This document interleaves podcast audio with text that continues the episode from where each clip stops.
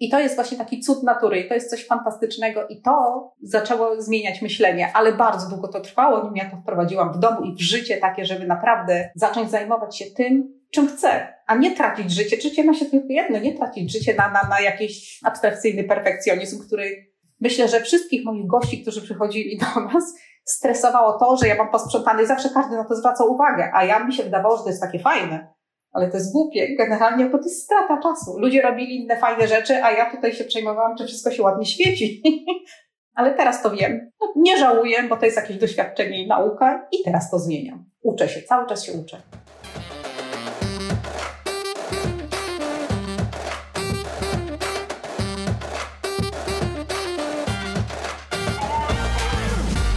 Cześć, tu Ania. Zapraszam do Pracowni Dziewczyn.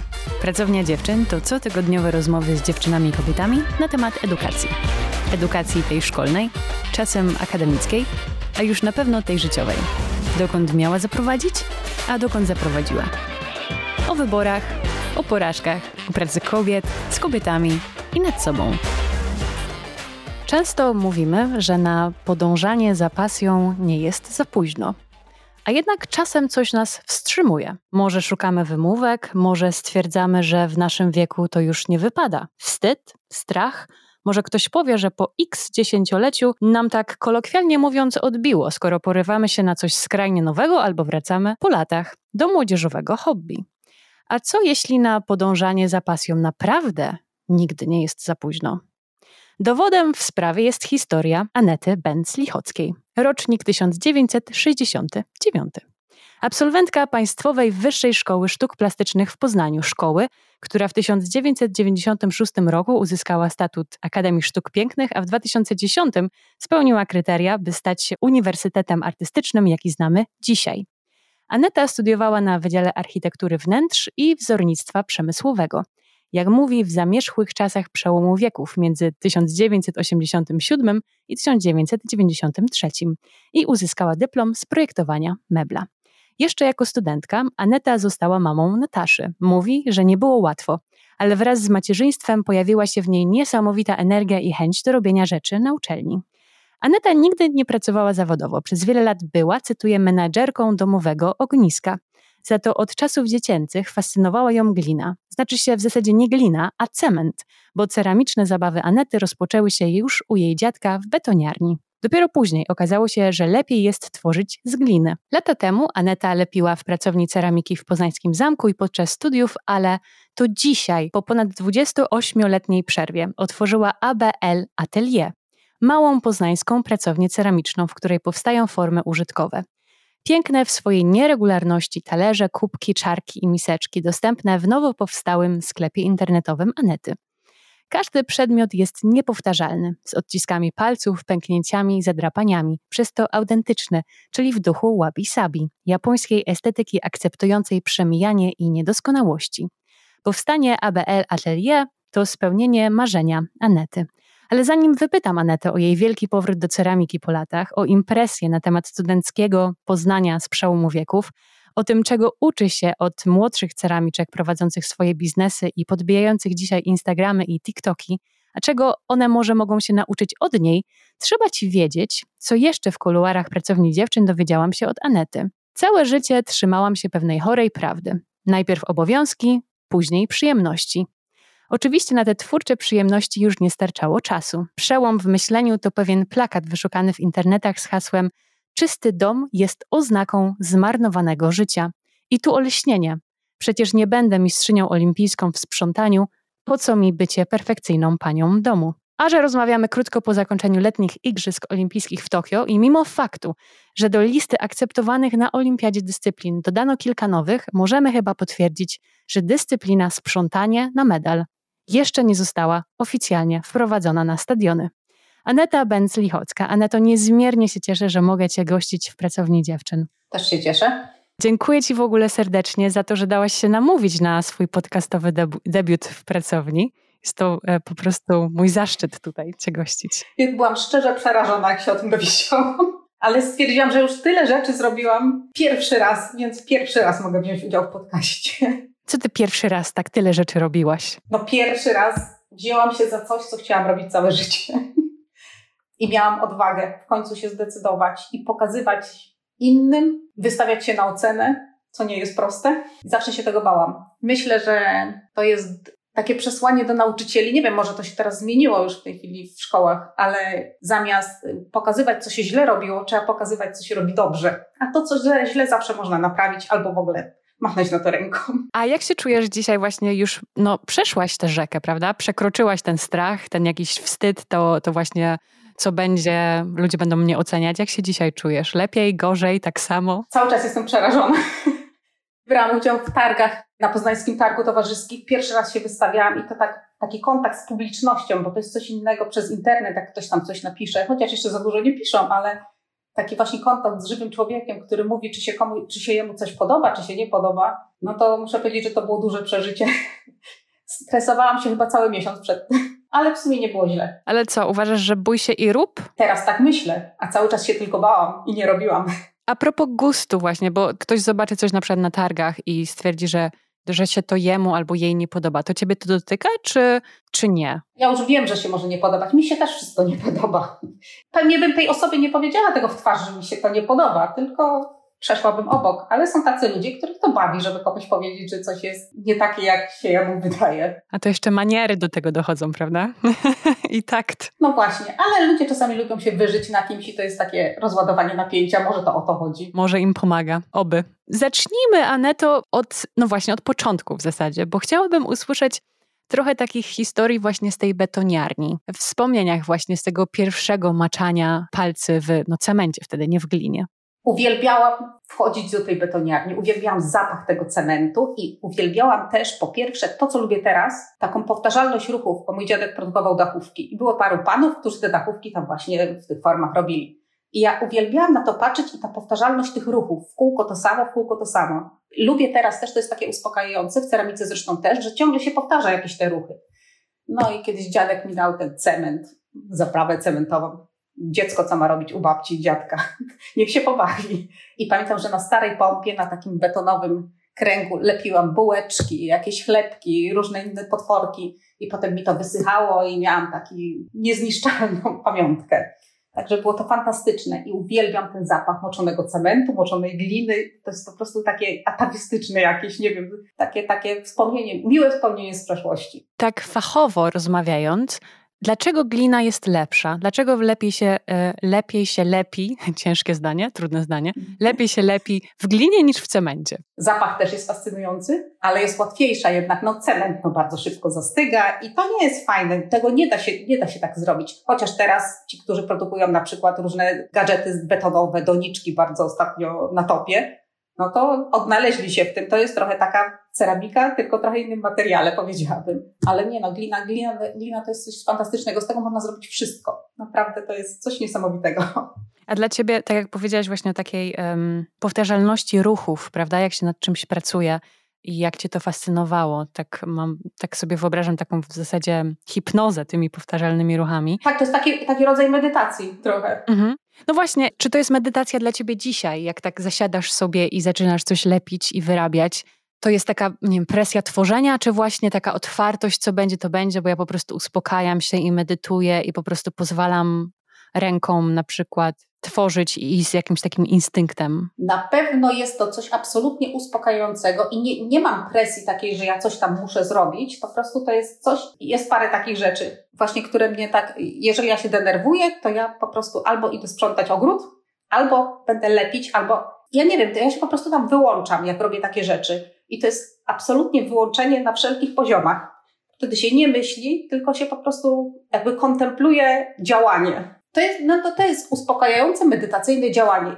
Często gęsto słucham przy tym podcastów oczywiście, także dodatkowo jest to jakieś tam, trochę się z tego uczę, to też odkryłam te podcasty, to jest też uważam coś niesamowitego, niesamowity zasób wiedzy, inspiracji. I to klejenie tych wałeczków i to wypełnianie tej formy, czy lepienie w ogóle, klejenie czegoś i ruchy rąk to jest coś naprawdę, co ja wszystkim polecam i słyszę od osób, które chciałyby brać udział w jakichś warsztatach, na przykład opowiadają, że to jest coś takiego jak haftowanie albo dzierganie na drutach. To jest ten sam rodzaj ruchów. Ta powtarzalność właśnie cały czas taka. Dobrze, a jak słuchasz tylu podcastów i podejrzewam, że tam są i biznesowe, i artystyczne podcasty, mhm. no i mając już to doświadczenie otworzenia teraz małego biznesu, prawda, po latach, Myślisz, że dzisiaj jest łatwiej, jest trudniej robić biznes artystyczny? Jakbyś na przykład sobie porównała, jakby ktoś myślał o biznesie artystycznym po zakończeniu Twoich studiów? Pewnie jest i łatwiej, i trudniej. Kiedyś pewnie było trudniej, bo ta wiedza była niedostępna, bo teraz wystarczy, że włączymy internet i no wszystko tam znajdziemy. A kiedyś no trzeba było albo się od kogoś dowiedzieć, albo gdzieś poszperać w bibliotece własnymi rękoma. I też nie było w ogóle takiej wiedzy, wiedzy biznesowej. No to no był to przełom wieków, więc to, to, to, to jest, generalnie to była wolna amerykanka, każdy robił co chciał, ani tych przepisów nie było. W ogóle bym nie wiedziała, jak się do tego zabrać. I też przede wszystkim to potrzebna jest do tego odwaga. A w tej chwili też jest trudniej z tego powodu, że jednak konkurencja jest dużo większa. I no, myślę, że jest tak dużo tych różnych takich biznesów, jak się spojrzy internet, że trzeba znaleźć jakiś taki sposób na to, żeby dotrzeć do klienta, albo w ogóle do, dotrzeć do kogoś, kto będzie zainteresowany tym, co się robi. Już nie musi kupować, ale żeby w ogóle był zainteresowany. I ja to odkrywam, bo ja generalnie to nie wyobrażałam sobie, że to tak wygląda. Mi się wydawało, że ja sobie tam będę lepić, jakoś to będzie. Jakoś, ja, ja, ja nie miałam żadnego planu biznesowego i teraz nie mam. Po prostu dla mnie to jest taki spontan, żeby, żeby robić, a zobaczymy, co z tego wyjdzie. Też jest dobrze, nie mam tej presji finansowej, że ja nie muszę. Bo gdybym miała presję finansową, myślę, że to stres jest dużo większy. Wiadomo, że no, z czegoś się trzeba utrzymać. A ja to cały czas traktuję jednak jak, jak jakąś pasję, z której może będzie jakiś biznes. I trochę tak do tego podchodzę. Oczywiście przy pomocy wielu osób, bo sama nie byłabym w stanie tego ogarnąć był taki jeden moment, taki przełom, że ja teraz, Aneta, ja zacznę lepić na nowo i otworzę sobie atelier i może zacznę sprzedawać moje wyroby, moją twórczość. Czy coś się wydarzyło? Czy ty dojrzałaś do tego? Bo cały czas mówisz o tej odwadze i o strachu, prawda? Czy musiał być taki kop, pojawić się taki kop do działania? Czy czy dojrzałaś do takiej decyzji? Nie, no musiało się to pojawić z zewnątrz, ponieważ ja cały czas mówiłam, że ja chciałabym mieć, ja chciałabym mieć piec ceramiczny, żeby sobie kleić chociażby tak dla siebie. I na 50 urodziny dostałam ten piec. Już nie było wyjścia. Już strach trzeba było odłożyć i trzeba było zacząć się uczyć w zasadzie, bo wydawało mi się, że coś wiem. Ale jak się zaczyna w to wchodzić, to się okazuje, że wie się bardzo mało. I te eksperymenty, no to wszystko jest fajne, bo to jest droga do tego, żeby robić coś lepiej, żeby się czegoś nauczyć. A że ja często, gęsto tak mam, że lubię robić sama, więc ja się nie pytam, nie szukam, tylko robię eksperymenty po prostu i pewnie mi to więcej czasu zajmuje, ale jest to też fascynujące i radość z tego, że coś wyjdzie jest dużo większa niż jak się gdzieś przepis znalazło i ktoś powiedział, że trzeba zrobić tak i tak, a jak się samemu do tego dojdzie, no to jest zupełnie coś innego. Także musiał, musiał być ten y, pstryczek z zewnątrz. Czyli prezent. Prezent cię zmotywował. Prezent, tak. No dobrze, ale czy uczysz się właśnie? Mówisz, że no to nie jest takie hop siup. Powiedziałaś przed chwilą, że myślałaś, że wiesz, a nie wiesz i że trzeba by się tego douczyć, nauczyć, zanalizować i tak dalej. No ale też jest właśnie to, co lubisz, czyli ta wolność eksperymentowania, że niekoniecznie będziesz szukała wszystkich odpowiedzi naraz. To powiedz mi, obserwujesz na przykład ceramiczki czy, czy garncarki, które teraz, no właśnie, albo można nie tylko w internecie spotkać, obserwować, ale gdzieś na targach i może, nie wiem, uczysz się coś od nich, podpatrujesz je, jak robią właśnie i ten sam produkt, ale też no, biznes za tym. Oczywiście, że podglądam i sprawdzam, co tam ci tam słychać Niektóre rzeczy są fantastyczne, naprawdę. I nie jestem w stanie powiedzieć, czy te osoby doszły do tego same, czy one po prostu jakieś szkoły skończyły, bo aż tak tam nie wnikam. Bardziej się inspiruję tym, co robią. Ale od samego początku założyłam sobie coś takiego, że zacznę robić coś, jeszcze za bardzo nie wiedząc, co inni robią, żeby to było oryginalne, żeby było moje, żeby się nie naginać do jakichś tam trendów, do jakichś mód, bo to ma krótkie nogi. A wiadomo, że jak coś jest autentyczne, jest takie wypływające z nas, to wtedy jest prawdziwe i myślę, że no w końcu może przyjdzie taki czas, że to się będzie sprzedawać po prostu. I wyszło na to, że to, co sobie wymyśliłam, to w tej chwili widzę, że jest w miarę oryginalne. Nawet słyszałam na tych targach, że no, że jest, jest oryginalne, że jest fajne, że jest inne. Także jakiś tam pierwszy plusik jest. No to świetnie, teraz tylko marketing, Aneta i akwizycja klienta. to chyba córce to, córce muszę to powierzyć, bo ja w ogóle w tym nie jestem dobra. W sprzedawaniu siebie absolutnie. Sprzedawanie czyichś produktów na pewno by mi łatwiej przyszło, ale ja no po prostu nie potrafię zachwalać tego, co zrobię. No nie. Zawsze, zawsze widzę, że to jest niedoskonałe, chociaż to w założeniu ma być niedoskonałe. Aha, no właśnie, chciałam pytać, dlaczego Wabi Sabi? Czy jest jakiś powód, że, że cię ta estetyka właśnie pociąga? Kiedyś mi się wydawało, że wszystko musi być perfekcyjne, że musi być dokładne i to musi być takie jak z igły zdjęte. Ale z czasem stwierdziłam, że to jest po prostu jedno wielkie oszustwo. To jest, nie jest oryginalne. Jeżeli coś jest produkowane w fabryce i ma jakąś skazę, to wtedy to jest unikatem i to jest fajne, bo to jest inne. A tutaj właśnie to, no nie da się yy, po pierwsze przewidzieć efektu do końca tej pracy w glinie. A poza tym, no, kręci mnie to, że to wszystko jest takie, czym jest dusza. Po prostu w tym te palce zostawiły swoje odciski i to jest takie, no takie moje, takie prawdziwe i takie, takie właśnie niedoskonałe i fajne. Podoba mi się to, jak się coś starzeje. Kiedyś mi się wydawało, że jak podłoga jest drewniana, to ona musi być absolutnie piękna cały czas. A teraz mi się podoba, jak są ścieżki wydeptane tam, gdzie się chodzi. I zniszczony, taki prawdziwy, szlachetny materiał jest fajny. Wiadomo, plastik się fajnie nie starzeje, ale drewno, glina czy jakiś kamień, to one mają swój urok właśnie wtedy, kiedy one są stare i zniszczone. No, one mają historię. Co to za w ogóle wielki przełom, prawda? Z myślenia takiego, że wszystko musi być doskonałe i perfekcyjne, do tego takiej akceptacji, do myślenia o tym, że fajnie jest zaadoptować i zaopiekować się tymi rzeczami, które są takimi białymi krukami, jak mówisz, że mhm. niestandardowo, prawda, z taśmy zeszły. Sprawiło coś, że taki przełom nastąpił? Czy to też tak przychodzi, powiedzmy, nie wiem, bo też czasami się mówi, albo ja słyszałam po prostu, że na przykład po trzydziestce zdarza się, że się mniej przejmujemy na przykład niektórymi rzeczami, że odchodzimy na przykład od perfekcjonizmu, bo się tak trochę na przykład godzimy z tym, jacy jesteśmy, że czegoś nie możemy naprawić, że już, nie wiem, czas minął na pewne rzeczy i tak dalej. Jak to było u Ciebie? Jak to jest u Ciebie z tym przełomem? Znaczy się, nie wiem, może to nie było po 30, bo wtedy właśnie mi się wydawało, że musi być perfekcyjne. To było trochę związane z tym moim obsesyjnym sprzątaniem, że wszystko musi być w domu tak pięknie wypucowane i wszystko musi być takie właśnie dokładne. A może to jest faktycznie akceptacja przemieniania, że w pewnym wieku niektóre rzeczy przestają być ważne. To jak się wygląda, kiedyś się wiadomo, człowiek przejmował, a tutaj jakiś pryszcz wyszedł, a tam coś, a teraz w zasadzie kogo to obchodzi? No kogo to obchodzi? Czy jak ja u kogoś coś takiego widzę, to ja w ogóle to widzę? Ja tego nie widzę. Także myślę, że to jest coś takiego i docenienie właśnie tych szlachetności tych zużytych materiałów. I myśl, myślę, że to jest trochę takie właśnie też docenienie tego, że człowiek się starzeje i też się zmienia i my tego nie zmienimy, jeżeli nie zaakceptujemy tego, że to jest po prostu stare, zużyte jakieś, no to będziemy się źle czuć i tak samo z wszystkim, no nie jesteśmy w stanie wymieniać wszystkiego w domu, bo coś, jest, coś nie jest perfekcyjne. I to jest właśnie fajne, że teraz mamy te przedmioty z historią, o jakiś tam kubeczek z ułamanym uchem, ale zostawiamy, bo to jest jakaś pamiątka, to jest fajne i to tam nie przeszkadza. Z czasem nam to nie przeszkadza. I może stać na półce i co z tego, że inni to zobaczą? To jest fajne. To ja nawiążę do tego, wchodząc troszeczkę w inny temat, znaczy może nie zupełnie inny temat, ale w ten wątek a propos całego życia w prawdzie, chorej prawdzie, że najpierw obowiązki, a później przyjemności. Czy z tym właśnie przełomem, odejściem od tego perfekcjonizmu, odejściem od wiem, idealnego wizerunku, idealnego życia, czy ty dzisiaj naprawdę odwracasz kolejność?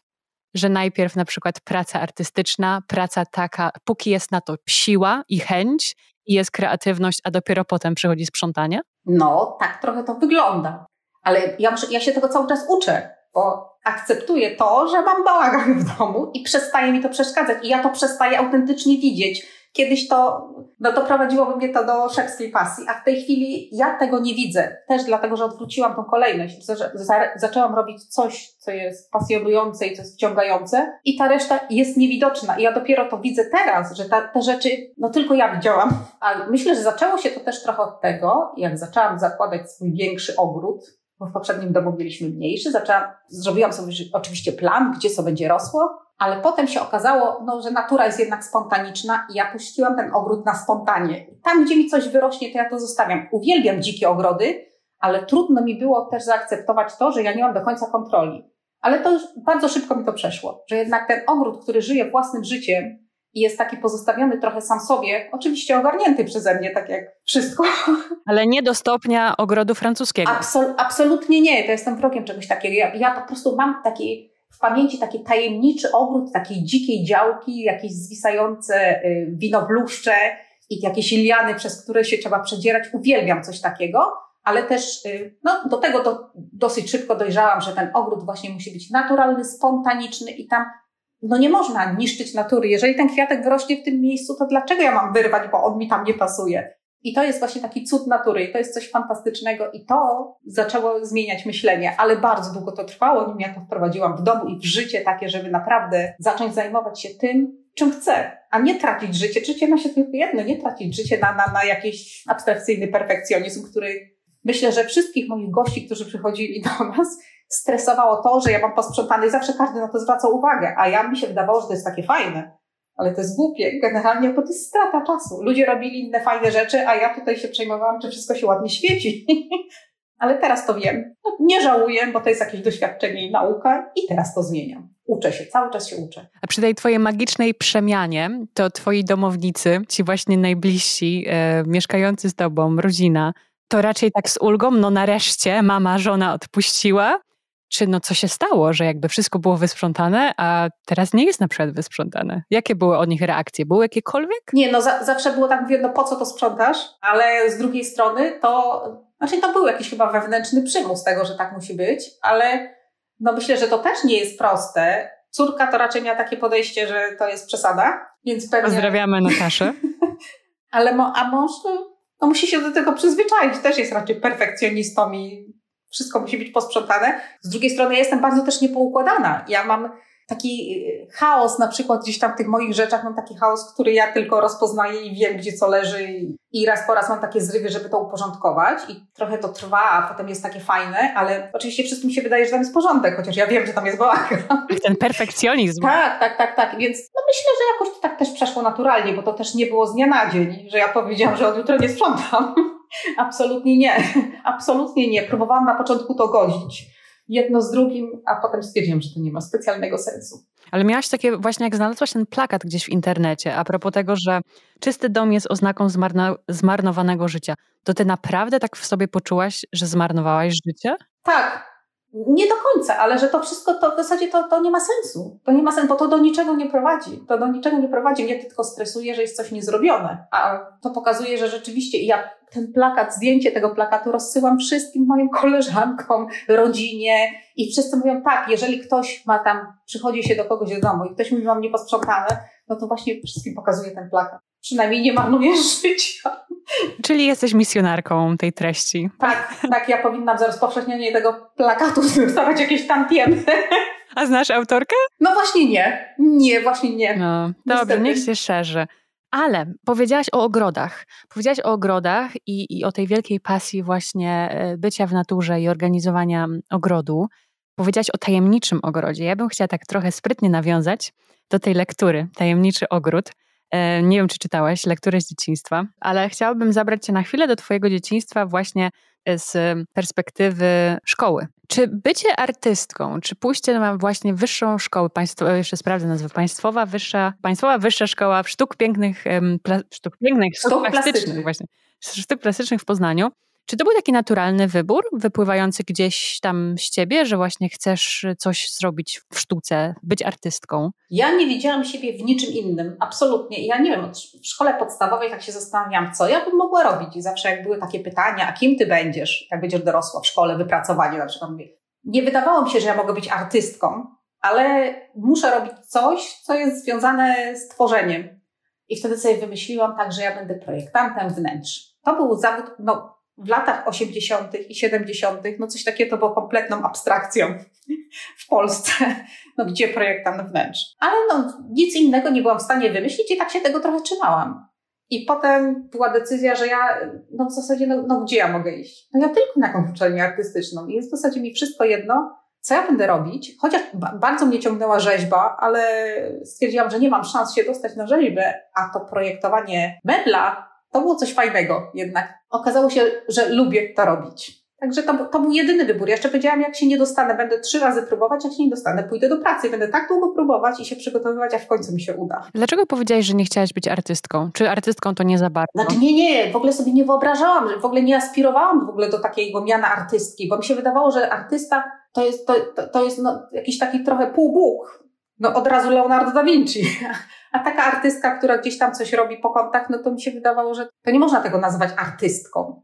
Także bardziej chodziło o robienie sztuki niż bycie artystką. To mi się też takie trochę wydaje na, na wyrost w tej chwili, bo artystą, no, no, niektórzy się tak nazywają, ale nie wiem, nie wiem, nie miałabym odwagi nazwać siebie artystką, absolutnie. A też e, pamiętasz właśnie z tamtego momentu, policeum, czy studia, czy praca, czy były takie głosy właśnie, że nie wiem, że bycie artystą, czy bycie artystką to, to nie jest zawód, że to nie jest jakieś takie przyszłościowe, że może lepiej robić wielkie biznesy, prawda? Na przełomie wieków Polska się otwiera. Jakoś nigdy nie słyszałam tego, albo nie chciałam słyszeć. Może nikt nie mówił, bo no ja nie widziałam siebie nigdzie indziej, więc, więc chyba nie było sensu mówić. Może ktoś mówił, ale do mnie to nie docierało. Absolutnie do mnie to nie docierało i w ogóle nie pamiętam takiej sytuacji, żeby ktoś mi odradzał. A propos studiowania, jakie było twoje życie studenckie? Pamiętasz takie właśnie impresje, czy to Poznań, czy to właśnie znajomości, jakieś przyjaźnie, jak wyglądała w ogóle wtedy nauka na, na Wyższej Szkole Sztuk Plastycznych? Wyższa Szkoła Sztuk Plastycznych, w ogóle szkoły artystyczne były postrzegane jako,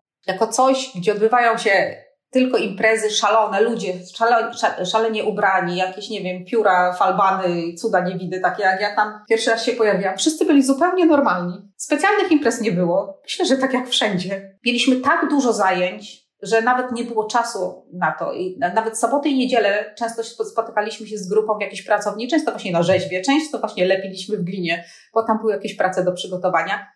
I jakoś chyba wszyscy woleli na tej uczelni spędzać razem czas w te wolne chwile, niż imprezować. Ja tak specjalnie nie pamiętam, żeby były jakieś szalone imprezy. Spokojniutko, naprawdę. Także to wcale nie była szkoła barwnych ptaków i, i szaleńców, jak to się wydaje, parę osób, które tam rzeczywiście robiły taką reklamę, to gdzieś na mieście były widoczne, a cała reszta była zupełnie zwyczajna, naprawdę zupełnie zwyczajna. Imprezy też były zwyczajne, jeżeli w ogóle już ktoś miał na to czas. Jak wyglądała wtedy nauka? I na przykład, czy pamiętasz jakieś e, takie ważne dla ciebie osoby z grona pedagogicznego, z, wśród wykładowców? Ktoś, kto kogo dobrze wspominasz, bo ktoś cię wspierał bardzo w okresie studiów? Muszę powiedzieć, że jakichś takich szczególnych osób, które bym zapamiętała, to raczej nie było. Właśnie zastanawiałam się nad tym, czy w ogóle w moim życiu byli tacy nauczyciele, którzy są szczególnie przeze mnie zapamiętani i muszę powiedzieć, że bardziej są to nauczyciele ze szkoły podstawowej. I, I, muszę powiedzieć o jednej mojej wychowawczyni, którą spotkałam, będąc yy, na takiej imprezie szkolnej już po zakończeniu mojej szkoły i szkoły Nataszy, która chodziła do tej samej szkoły co ja.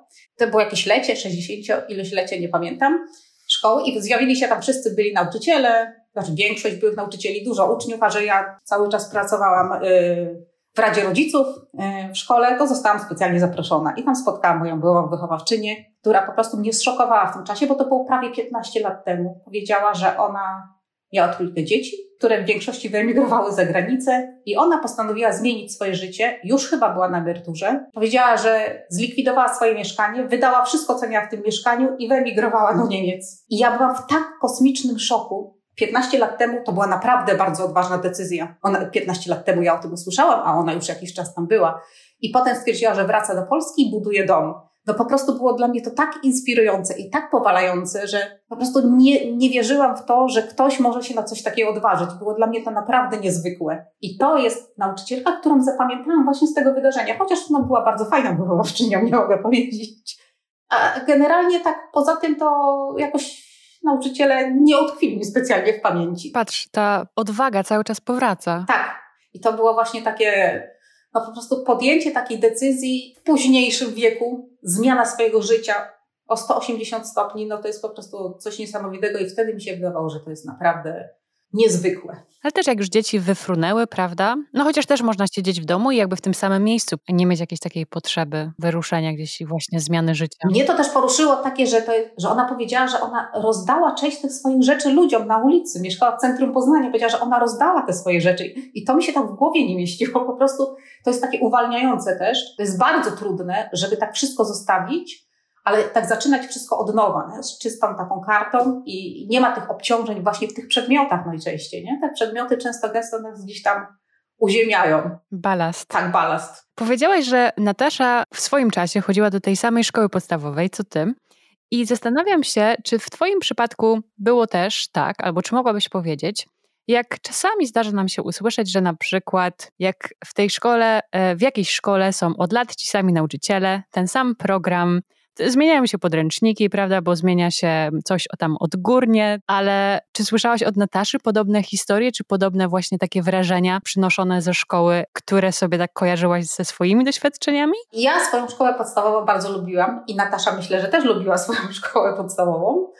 Myśl, myślę, że tak. To, to jest szkoła, w której panował po prostu dobry klimat. Bardzo mała szkoła. Na 200 paru uczniów tylko chodziło, więc to jest naprawdę mała szkoła. I ja miałam wrażenie, że jak ja tam trafiłam, jak Natasza poszła do pierwszej klasy, że ja wracam do szkoły podstawowej. I ja z urzędu zostałam do tej rady rodziców jakoś wcielona, bo ci nauczyciele po prostu mnie znali. Jeszcze się okazało, że jest parę osób, które ze mną chodziły do szkoły, niekoniecznie w tych samych latach, które od razu też automatycznie zostały do tej rady wciągnięte. I to się zrobiła taka trochę zabawa w podstawówkę, że ja wróciłam, tak, ja trochę wróciłam do podstawówki jako taki większy uczeń. I bardzo dużo też tam z tymi dzieciakami coś kombinowaliśmy, robiliśmy jakieś zajęcia plastyczne, bo było parę takich osób, którym się chciało. I ja chodziłam do szkoły podstawowej, Natasza chodziła do tej samej szkoły podstawowej równocześnie. I myślę, że Natasza też miała takie wrażenie, że ta szkoła jest po prostu fajna. Też muszę powiedzieć, że ona z częścią tych osób, z którymi chodziła do klasy, to utrzymuje kontakt do dzisiaj ale bo mają jakąś tam wiedzę na swój temat. I myślę, że większość tych osób dobrze wspomina tą szkołę. To jest po prostu taki specy, specyficzny klimat, wydaje mi się. I to tworzą nauczyciele. I mam nadzieję, że ci nowi, którzy przychodzą, przejmują trochę od tych starych. No a co się stało z liceum? Bo nie do końca wiem, jak to było. Czy to było wtedy ogólnokształcące liceum, czy to już było jakieś profilowane licea? Nie wiem, jak to było w Twoim przypadku. To były licea ogólnokształcące z profilami. I to była szkoła matematyczno-fizyczna głównie. A jak się okazuje, ja nie byłam dobra matematycznie, matematyczno-fizycznie. Ja bardziej, bardziej humanistycznym. Byłam osobnikiem i to też tak wybiórczo. A poszłam do tej szkoły, no z jakichś właśnie chorych ambicji, zamiast pójść do liceum plastycznego i robić to, co mnie interesuje. Ja nie wiem, co mnie podkusiło, żeby pójść do takiej szkoły, w której nie miałam absolutnie czasu na robienie tego, co bym chciała i naprawdę gdzieś tam po godzinach na rysunek jeździłam trzy razy w tygodniu na drugi koniec Poznania, żeby się jakoś przygotowywać do egzaminów. I ja, ja naprawdę nie wiem, po co ja to zrobiłam. To jest naprawdę największy błąd mojego życia. To jest, nie wiem, czy ja się tam źle nastawiłam, czy tam po prostu jest taki, taki klimat i ja się tam absolutnie nie odnalazłam. Absolutnie. To były cztery lata, którym miałam wrażenie, że ja żyję w jakiejś bańce, w jakiejś skorupie, ja nie widzę ludzi, ja jestem tak zestresowana, że ja nie jestem w stanie, nie, nie wiem, nie wiem jak to powiedzieć, nie jestem w stanie egzystować w tej szkole kompletnie. To jest ciekawe, czy to była jakaś renoma na przykład tej szkoły, albo ona była blisko twojego domu, to było wygodne, albo... Nie, ja miałam liceum pod nosem obok domu, ale przecież nie mogę chodzić obok domu.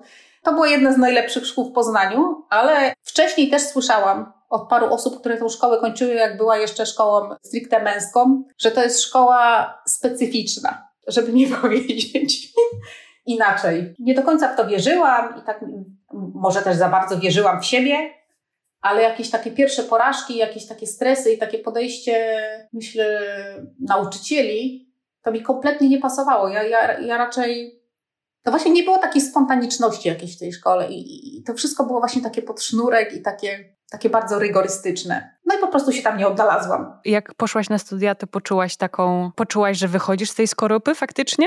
Absolutnie tak. Tak, zupełnie inne nastawienie też miałam i też od razu mi się wydawało, że ci ludzie, że wszyscy są w ogóle i ludzie, którzy tam zaczęli studiować, no wszyscy byli ode mnie dużo starsi, co też mnie zszokowało, bo ja w ogóle poszłam do szkoły podstawowej rok wcześniej Kiedyś była taka moda. E, I byłam na tej uczelni, na moim y, roku byłam najmłodszą studentką. Były dziewczyny, które miały po 30 lat i miały na przykład dzieci. To, to, było, to, to było też takie zderzenie no, z prawdziwym życiem trochę. Nie, nie, nie życie w takiej bańce, ale takie otwarcie i takie... I też te czasy zmieniające się i to wszyscy, wszyscy jakby takiego żagl, y, wiatru w żagle y, dostali. Myślę, że to wszystko miało wpływ na to. I to było zupełnie, zupełnie zupełnie coś innego. A ty sama w pewnym momencie podczas tych studiów zostałaś mamą, prawda? No tak, tak się wydarzyło i wtedy zrozumiałam, po co ja studiuję. O. Że ja nie muszę zaliczać egzaminów, żeby je zaliczyć, tylko ja mam je zaliczyć dlatego, że ja po prostu je chcę zaliczyć, bo one są, te zajęcia są fajne i one są do czegoś.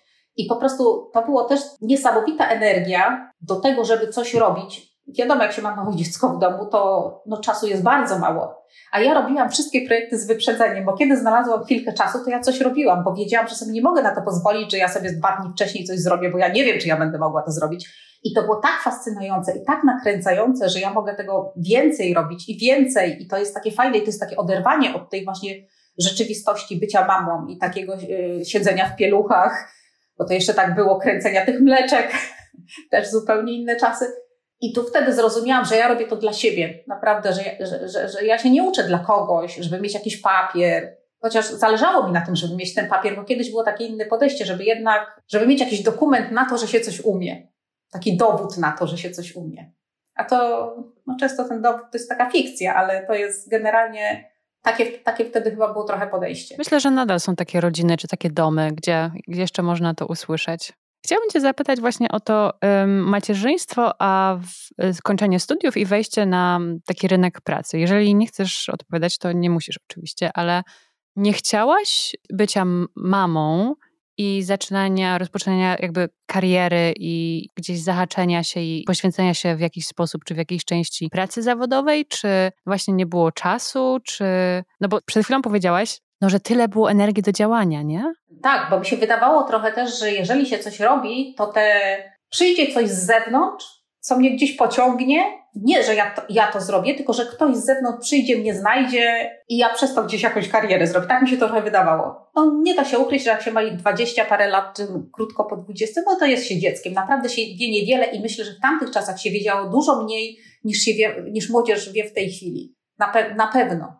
I takie mieliśmy zupełnie inne wyobrażenie, bo trochę tak było, że trzeba iść na ten etap, trzeba zarobić te pieniądze, na tą emeryturę odkładać, takie, takie, no, no nie ma się co dziwić, po prostu no, no, no tak kiedyś było. Teraz już wiadomo, że no nic nie trzeba. Jeżeli ktoś ma odwagę, to nic nie trzeba. A ja mam trochę tak, że ja się tak trochę poświęcam różnym rzeczom bez reszty i chyba tak trochę tym zajmowaniem do, zajmowanie się domem i zajmowanie się dzieckiem to takim stało się kosmicznym priorytetem. I ja się tak jakoś to, w to zaangażowałam. Natasza chodziła na wszystkie możliwe zajęcia, jakie były, ale nie dlatego, że ja jej kazałam chodzić. Ona po prostu sobie wynajdywała to po prostu, a tu na, pójdzie na ceramika, tu na zajęcia plastyczne, a tu się będzie uczyć jednego języka, drugiego języka, trzeciego języka, to jeszcze chciała grać na jakichś instrumentach, a to jeszcze do, do harcerstwa. Chwila, moment. Córka poszła na ceramikę w pewnym momencie? Y, chodziła do pracowni ceramicznej przez parę lat. To ja nie wiedziałam.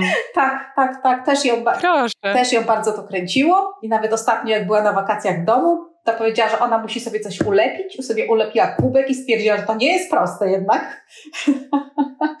Także to takie też powrót trochę do dzieciństwa, przypomnienie sobie, jak to było. Te, też bardzo lubiła to robić. Wcześniej kleiła cały czas plastelinie, potem właśnie się okazało, że jest pracownia niedaleko całkiem ceramiczna i też się bardzo, bardzo wkręciła. Ale ci, ci przerwałam, bo, bo mówiłaś o tym wkręcaniu i dawaniu wszystkiego córce, co chciała. Tak, trochę to tak było, ale ja mam w ogóle jakieś takie fazy na robienie różnych rzeczy. Jeżeli ja zajmuję się ogrodem, to ja cały czas, całą sobą to robię. Ja potrafię 10 godzin siedzieć w ogrodzie, jakieś, jadę samochodem i ja sobie wizualizuję, co ja tam będę robić. Czasami mi się wydaje, że to jest niebezpieczne, bo ja już sobie wyobrażam.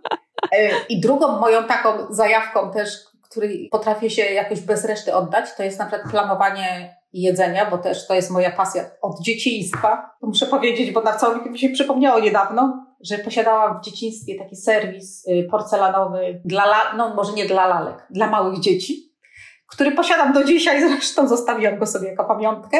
I miałam jakieś garneczki metalowe, plastikowe i zawsze jak y, nikogo w domu nie było, zostawałyśmy z siostrą same, to ja zaczynałam gotować. Gotować. różne takie rzeczy, ale zawsze mnie to tak kręciło, że ja mam taką siłę sprawczą, że ja z jakichś tam różnych rzeczy coś pomieszam i mi wyjdzie coś nowego. I tak samo właśnie ja się też tak kręcam w gotowanie, że jak mam zorganizować jakąś imprezę, to ja już tydzień wcześniej planuję, już mam wizję, co ja zrobię. Oczywiście plan jest tak kosmiczny, że nie jestem w stanie tego wszystkiego zrobić i w trakcie robienia już w dniu imprezy rezygnuję z paru rzeczy, mówię, kto to zje w ogóle. Ale też mam coś takiego, że ja się temu poświęcam i ja potrafię cały tydzień wtedy o tym myśleć i to mnie dopada wszędzie. I to tak właśnie jak z ogrodem, z jedzeniem i teraz mam z tą ceramiką. Ja czasami się próbuję już wyłączyć, bo wiem, że to, że to jest bardzo męczące i to jest niszczące też, jak się cały czas o czymś myśli. I też jak się kładę spać, to już staram się nie myśleć, co ja bym chciała ulepić, tylko już tak się trochę oderwać, bo rano wstanę, to będę lepić, ale już no w nocy mogę nie lepić przez sen. I mam właśnie takie, może to nie do końca zdrowe poświęcanie się jakimś określonym rzeczom. Ja się je kompletnie wyłączam wtedy i to podzielno, mityczna podzielność uwagi, że kobiety posiadają taką zdolność, to jest absolutną bzdurą, zresztą chyba to już jest naukowo udowodnione, że podzielność uwagi to jest fikcja, bo nie można się skupić na dwóch rzeczach jednocześnie. Albo się robi coś dobrze, albo się robi coś po łebkach, bo się tego po prostu nie da zrobić dobrze. Zawsze walczyłam z tym, że ja niestety nie jestem w stanie robić dwóch rzeczy dobrze. Jeżeli ja gotuję, to ja nie jestem w stanie myśleć o ogrodzie, bo ja mam tutaj burzę myśli. I to też jest takie twórcze i kreatywne myślenie. Uwielbiam myśleć o tym, co z czym można połączyć i wyjdzie coś ciekawego i no, no, no to też jest fajne. To też jest fajne. To jest ciekawe. W ogóle mówisz o tym, że to może być niebezpieczne, jak się, prawda, tak wyłączasz, mm. myśląc o jakimś właśnie projekcie ale ja tak słucham i po prostu jedyna rzecz, którą słyszę tutaj, to jest ten ogrom pasji właśnie dla jakiegoś projektu, dla jakiegoś przedsięwzięcia, tu ogród, tu gotowanie. I aż po prostu żałuję, że nie umówiłyśmy się na tę rozmowę tak, wiesz, twarzą w twarz, bo może bym spróbowała Twoich fantastycznych po prostu potraw i, i tej sztuki kulinarnej, bo aż lubię. zaczynam czuć jakieś takie odgłosy z mojego, czy słyszeć odgłosy z mojego brzucha. lubię, lubię, lubię rzeczywiście takie i, i, i to na, nawet nie jest na imprezy, ja po prostu no, mam ogrom książek kucharskich, to jest moja e, następna obsesyjna choroba, żeby kupować wszystko, nowe książki kucharskie i oczywiście nie jestem w stanie z wszystkich, wszystkiego ugotować, ale bardzo lubię przeglądać i zawsze jak oglądam, to sobie wymyślam, co można by tu zrobić, bo to jest bardziej inspiracja niż tak do końca skorzystanie z tego. Kupuję te książki też dlatego, żeby się inspirować do codziennego gotowania. Chociaż ostatnio nie mam czasu, bo się poświęciłam tej ceramice i teraz nie mogę robić dwóch rzeczy naraz oczywiście, więc nie mogę myśleć o tym gotowaniu ale robiłam tak, żeby się też nie, nie nudzić w przygotowaniu. Nie lubię robić w kółko tego samego i to było fajne, że ja codziennie mogę zrobić coś innego. Oczywiście mój mąż jako królik doświadczalny musiał tego próbować. No z jakim skutkiem? Nie, nie, no raczej, raczej nie narzekał. Czasami coś tam powiedział, ale że to może nie do końca, może nie zrozumiał połączenia. Ryzyko eksperymentowania. Tak, tak, tak, tak. To, to po prostu jest dzieło sztuki, które zostało niezrozumiane. Powiedziałaś, że czekałaś właśnie na to, że może ktoś cię odkryje po tych studiach, prawda? Że, że to raczej w ten sposób jest, niż że trzeba gdzieś tam wyjść i się pokazać i walczyć o to tak bardzo, jak jeszcze tu miałaś małą córkę. A powiedziałabyś coś Annecie z, tam, z tamtego czasu, właśnie z przełomu, raz, że z przełomu wieków, ale właśnie rozszerzania tych wszystkich, rozszerzania tych ról, które mm, sobie przypisywałaś, no bo i studentka, i absolwentka, i, i mama, no i kobieta, i Aneta. Powiedziałabyś coś sobie tamtej, teraz? Że trzeba mieć więcej odwagi do tego, żeby robić, a jak się będzie robić, to w końcu coś się tym robieniem osiągnie. Tak mi się wydaje, że nie można tak jednak tego odłożyć na kiedyś, bo jak się czegoś nie robi, to się tego nie zrobi. No jakoś nie, nie miałam tej motywacji, motywacji, żeby o siebie walczyć, żeby jakoś, żeby się reklamować jednak, bo nie potrafię rozpychać się gdzieś łokciami, pokazywać się, jaka to jestem fantastyczna. Ja zawsze wolę gdzieś w kąciku popatrzeć, jaka tam będzie reakcja ewentualnie. No właśnie, jak na prawdziwego artystę, który w zasadzie powinien się rozpychać, to ja nie tak nie, nie za bardzo. Robiłam różne rzeczy do szuflady, owszem, i ta szuflada jest. I tam zawsze sobie coś tak myślałam, że może kiedyś, e, że może się pokaże, ale nigdy nikomu nic nie pokazywałam. I większość ludzi, znaczy się nie wiem, no może ze dwie osoby widziały to, co ja robiłam. Po prostu to jest, teraz widzę, że to jest straszne, że to jednak trzeba się pokazywać, ale tego trzeba się nauczyć też. Ale co, przepraszam, co to jest, Aneta? To jest jakieś, co są projekty?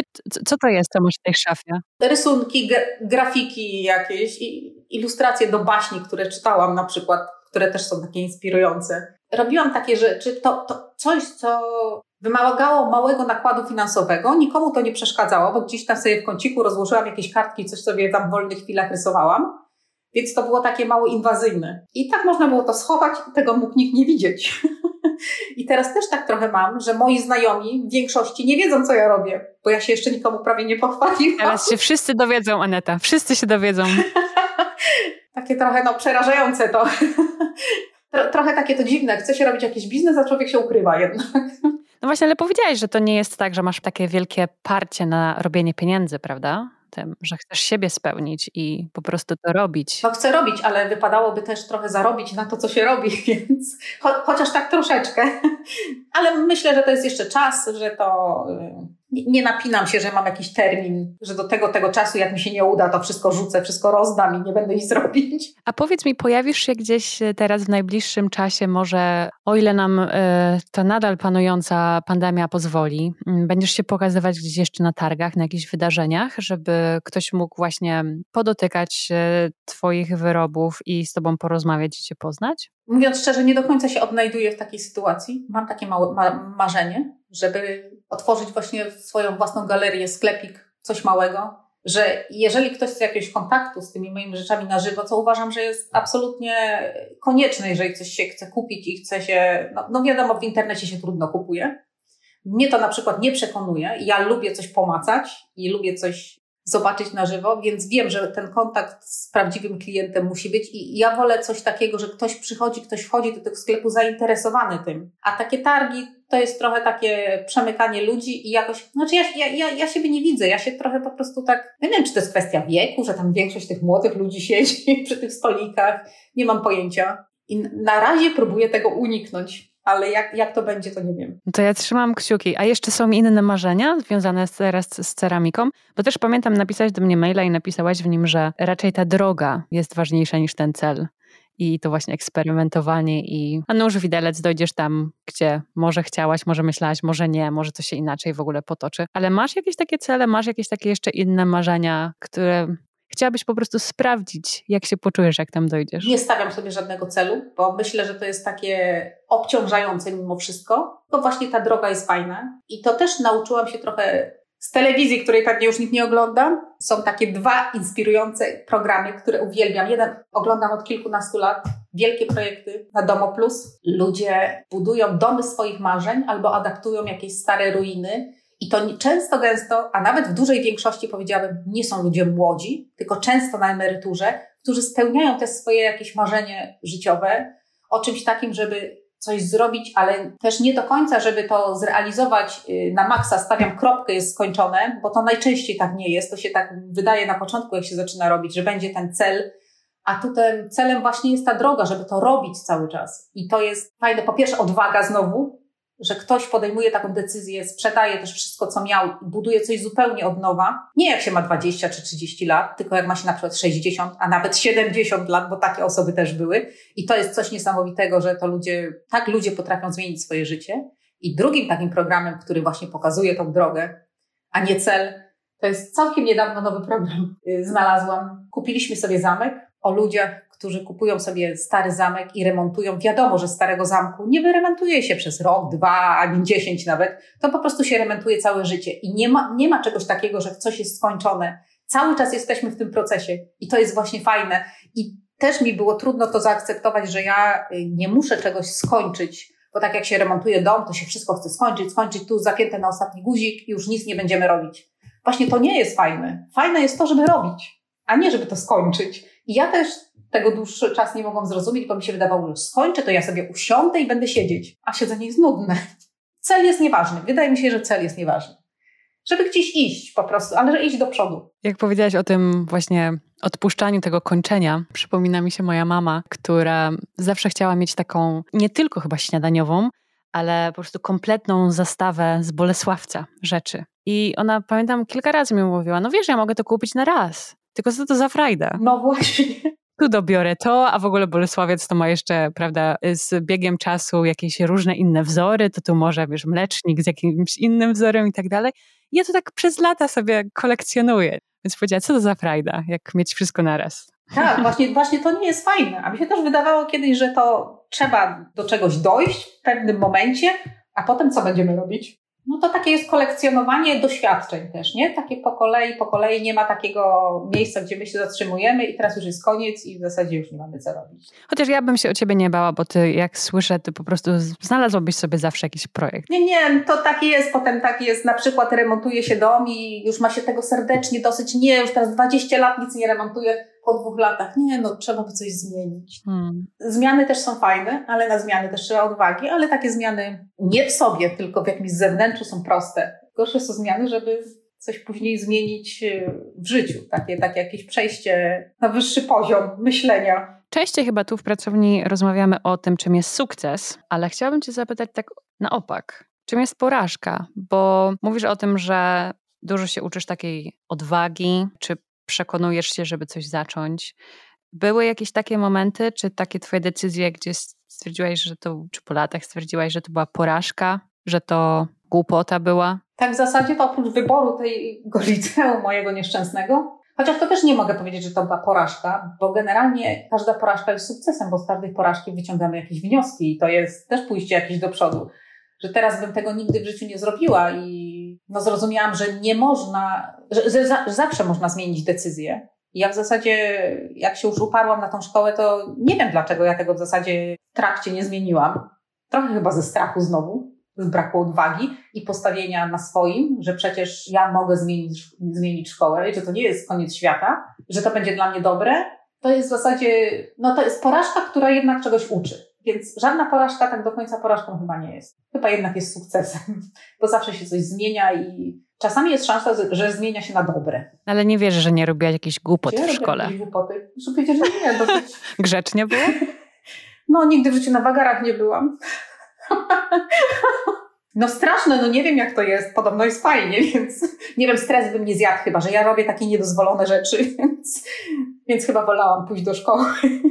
No, no ja chyba się jednak bałam całe życie, znaczy ja się cały czas boję jednak, nie? Że ja jestem taka jakaś y, bardzo zastraszona, że, że ja coś zrobię źle i ktoś to oceni, że to jest złe. I się próbuję nauczyć tego, że jak ktoś ocenia, to niech sobie ocenia. Co mi do tego? Dociera do ciebie to, że po na przykład My tak sobie teraz rozmawiamy, ale po publikacji takiego odcinka, że możesz usłyszeć od kogoś, że ja bym się nie odważyła, albo ta Aneta jest taka odważna, że otworzyła teraz swój sklep internetowy, idzie za swoją pasją, spełnia swoje marzenia. No ja nie wiem, czy to jest odwaga, czy ja to robię z jakiegoś takiego strachu. Nie, nie no, no, czy to jest odwaga? Pewnie tak, bo to jest jakieś przełamanie jakichś swoich kompleksów i właśnie jakiegoś takiego swojego strachu i jest to jak, w jakiś sposób odważne. Też wspomnę o jednej książce, która dodała mi odwagi. To jest książka Marii Forleo, Wszystko da się ogarnąć i generalnie jak się to czyta, to ma się wrażenie, że w zasadzie wszystko mogę, bo dlaczego nie mogę? No mogę przecież. Wszystko jest trudne. No wiadomo, że różne rzeczy są trudne i jakieś tam niepowodzenia w pracy, i brak pieniędzy, czy jakieś choroby, ale jeżeli tak się na to z boku popatrzy, jak ja miałabym komuś radzić, to ja na przykład wiem, jak rozwiązać ten problem. Nie konkretnie, ale wiem, że to można zrobić i to nie jest coś strasznego, bo jak się patrzy na to z zewnątrz, to jest inaczej. Wiadomo, że jest w środku, to jest to trudne, ale tam było tyle motywacji, że zastanów się, możesz zrobić, jeżeli będziesz coś robić, i będziesz e, szła do przodu, no to gdzieś dojdziesz, a jak będziesz siedzieć i się umartwiać, no to nigdzie nie dojdziesz. Jest to książka, która rzeczywiście jest, uważam, bardzo inspirująca. Jest może taka no, trochę na wyrost, bo no wiadomo, że nie zawsze wszystko da się ogarnąć, ale jak się patrzy na to z boku, to da się ogarnąć. Staram się w to wierzyć. Chociaż yy, myślę, że ci, co mnie znają, to wiedzą, że ja tu będę marudzić, że tego się nie da, tamtego się nie da, ale to jest takie chyba trochę usprawiedliwienie na to, że jak się nie uda, to ja mówiłam, że się nie uda. Ale to tak, jak z tym naszym ostatnio, z naszą próbą przed podcastem. Ja po prostu, po pierwsze, specjalnie wybrałam termin, żebyśmy rozmawiały 13 w piątek. Mówię, w razie czego się coś nie uda, to zwalimy na 13 w piątek. Aha, już to ukartowałaś w ogóle wszystko. oczywiście. I się nie udało wcześniej połączyć, oczywiście. Czyli coś czułam, że coś się nie uda, a z drugiej strony, że jak się nie uda coś w rozmowie, to ja zwalę na 13 w piątek. To po prostu był ten dzień, on był zły nie na siebie, ale na to, że był 13 piątek. Ale dobrze, rozmawiamy we wtorek i wszystko idzie fantastycznie, nie chcę powiedzieć perfekcyjnie, bo, ale idzie naturalnie. Czyli rozumiem, że tę książkę dopisujemy do kanonu pracownika. Koniecznie. Chciałabyś jeszcze dodać jakieś właśnie takie inspiracje z kultury? Oprócz tych y, programów, które oglądam w telewizji, to jeszcze mogę polecić coś, co uważam, że jest treningiem wyobraźni. I to jest książka Radka Raka, baśń o wężowym sercu, która zresztą dostała nagrodę Nike chyba w 2020 roku. I ja nie wiedziałam, że takie rzeczy można w tej chwili napisać. To jest po prostu baśń, taką jak się kiedyś czytało jakieś baśnie polskie. Coś niesamowitego. Ja czytam książki w ogóle takie wrażeniami, powiedziałabym. Ja nie do końca jestem w stanie streścić fabułę. Nawet czasami nie wiem, jak, jakie są imiona postaci, które tam występują. Ja po prostu to czytam i ja sobie wizualizuję i ja widzę obrazy ja po prostu widzę jakiś film i czytam kawałkami, a że ja czytam w nocy najczęściej. To jest po prostu coś niesamowitego. Polecam, jeżeli ktoś lubi takie baśniowe klimaty. Mi się wydawało, że ja już jestem taka poza tym, że trochę ta, ta fantazja taka, że to jest jednak takie dziecięce, ale ja jednak lubię takie rzeczy. To jest takie mroczne, i to jest taka trochę walka dobra ze złem, jak to w baśniach oczywiście. A jest to jednak trochę oparte na historii Historia mnie mało w tym interesuje, właśnie mnie bardziej interesują te obrazy i te klimaty, i te, te mroczne, ja lubię takie mroczne klimaty, a z drugiej strony nie bardzo lubię kryminały, ale to nie jest kryminał, ale to jest takie właśnie, taka baśń z przeszłości, z taką starą baśnią, z klimatem starej baśni mi się to kojarzy. Chociaż to taka naprawdę lektura bardzo zamierzchła. nie wiem, nawet nie wiem, czy jest pełno nie lektur szkolnych w tej chwili. A powiedz mi, te ilustracje do baśni, które masz schowane tam w tej szufladzie, one są mroczne? Nie, z początku nie bo mnie inspirował kolor. Także to nie było mroczne, ale teraz mam takie klimaty właśnie. Zaczynam sobie robić takie czarno-białe rzeczy, na które znowu nie mam czasu, bo kleję i nie mogę się wyłączyć, bo chciałabym tutaj robić jedno i drugie, no ale to już naprawdę czasu nie starcza. Jakoś to się strasznie kurczy, w ogóle teraz czas jakoś szybciej płynie. Ktoś nas oszukuje i tam kręci tym zegarkiem. Potem miałam takie, no, a myślę, że to są też takie fazy w ogóle w życiu człowieka, że są takie etapy, przynajmniej w moim, są etapy takie kolorowe i one są kolorowe nie tylko w życiu, one są kolorowe w ubraniu się wyraża, wyraża ta kolorowość, albo właśnie w jakiejś twórczości, że jest kolorowa, a potem przychodzi coś takiego, że jest takie uspokojenie, które jest bardziej takie prawdziwe i jest takie mroczne, jest czarne i jest szare i taki z kontrastem bieli i ewentualnie z kropeczką czerwieni. To jest takie, ja mam takie klimaty właśnie, że, że, że trochę jak znani artyści. Okres niebieski, to nie, okres kolorowy i okres czarno-biały. To ja coś takiego u, u siebie widzę. Mi się to skojarzyło z jakąś taką cyklicznością. Tak, to tak trochę jest właśnie jak trochę ze ścinaniem włosów. Ja, ja, ja, lubię też takie zmiany jakieś drastyczne, albo jak zapuszczam włosy, to muszę być do pasa i potrafię z takich włosów zapuścić na długie, a mam teraz bardzo krótkie, a potem jak przychodzi taki moment, to chcę mieć krótkie i to nie jest tak, że ja sobie zetnę do połowy te włosy, tylko po prostu to jest na 180% drugą stronę. I tu się nie boję. To jest rzecz, której się nie boję. Eksperymentowanie właśnie ze swoim wyglądem, tego się nie boję. I nie, nie interesuje, co ludzie powiedzą.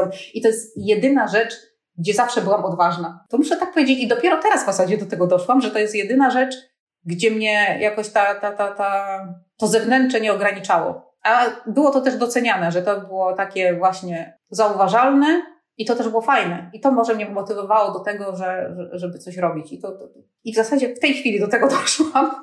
Jedno życie to za mało. Tak, tak mi się teraz pomyślało, właśnie starając już powoli podsumowywać naszą rozmowę, że jedno życie to za mało na te wszystkie twoje projekty po prostu i, i pasje i z jednego do drugiego. No to jest coś, ja mam wręcz ściarki tutaj.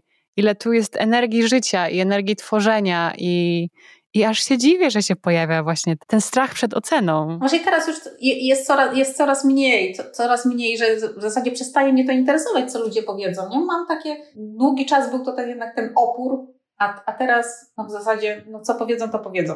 Co mi do tego w zasadzie? I tak zawsze będą gadać. No tak zawsze będą gadać właśnie. A niestety słyszymy, słyszymy zawsze te negatywne opinie, w te, w te dobre i pozytywne, to nie do końca wierzymy. Nie wiem, jest tak jakoś człowiek dziwnie skonstruowany, że nie dowierza. Ja myślę, że to też jest właśnie nauka ze szkoły, że no mam nadzieję, że teraz jest inaczej, że jednak trzeba chwalić i pokazywać co się umie. To jest bardziej motywujące. Troszeczkę tam też jest takiego tradycyjnego wychowania, żeby być jakby skromnym, ale takim skromnym, że aż się zapomina o tym, że żeby siebie jakby pochwalić, że się coś zrobiło i się jakby zauważyć, dowartościować. Tak, ostatnio szczeble władzy nawet się w to wkręciły chyba tak, żeby być skromnym. Prawda? Nie, nie powiem co dalej. No ty nie wieście.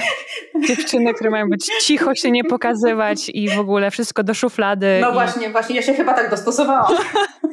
Nie, musisz wyjść z tego kąta. Teraz muszę to zbojkotować. Otóż to. Czy na końcu, na końcu naszej rozmowy, chciałabyś, Aneto, powiedzieć coś, jako właśnie taka starsza siostra innym dziewczynom? Już dużo rozmawiałyśmy o tych właśnie różnych takich zmianach, przełomach, prawda, u ciebie, to, co ty odkryłaś i tak dalej, ale jeżeli chciałabyś jeszcze coś dodać i zwrócić się do tych e, dziewczyn, chłopaków też, bo pewnie też nas chłopacy słuchają, to teraz jest ten moment i cię do tego zapraszam. Myślę, że przede wszystkim nie można się bać, a nawet jak się boisz, to robić. Robić. A to robienie może czasami ktoś zauważy, albo się będzie miało odwagę, żeby to pokazać. Nie siedzieć i nie czekać, jednak nie czekać, że nas ktoś znajdzie i próbować się chociaż troszeczkę paluszkami rozpychać. I myślę, że nas wtedy ktoś tam doceni. Ktoś w końcu to zauważy i nas to zmotywuje i jakoś tak zainspiruje do dalszego działania i będzie się chciało bardziej i bardziej się będziemy rozpychać. To ja Ci życzę tego e, rozpychania, żeby Cię zauważali i zauważały i żebyś się spełniała, stojąc przy piecu i czekając, jakie tam powstały efekty Twoich eksperymentów i biegając od jednego projektu do drugiego projektu i mm, wiesz, ja bym tak tych, jak jeszcze polecałaś tutaj książkę, która jest w zasadzie baśnią, to ja bym tych baśniowych ilustracji tak do tej szuflady nie odkładała. No mam pewien plan, ale to może na później, bo wszystkiego się nie da zrobić. Trafiłam. Też o tym myślę. Aneta Benz-Lichocka. Aneto, dziękuję Ci serdecznie za rozmowę. Dziękuję, bardzo miło było. Więcej o ceramice Anety oraz jej ceramiczne cuda do kupienia znajdziesz na stronie pracowni Anety, czyli ablatelier.com. ABL Atelier można również podglądać na Instagramie i na Facebooku. Dla wygody wszystkie linki do strony internetowej i kont Anety w mediach społecznościowych, a także polecenia Anety do kanonu lektur znajdziesz w opisie tego odcinka. Dziękuję Ci za wysłuchanie tej rozmowy i zapraszam do podzielenia się nią z innymi, pocztą pantoflową czy w mediach społecznościowych. Jeśli jest to Twoje pierwsze spotkanie z tym podcastem, wiedz, że pracownia jest na Instagramie, Pracownia Dziewczyn Pod, ale jest też na Facebooku pod Pracownia Dziewczyn i na YouTubie.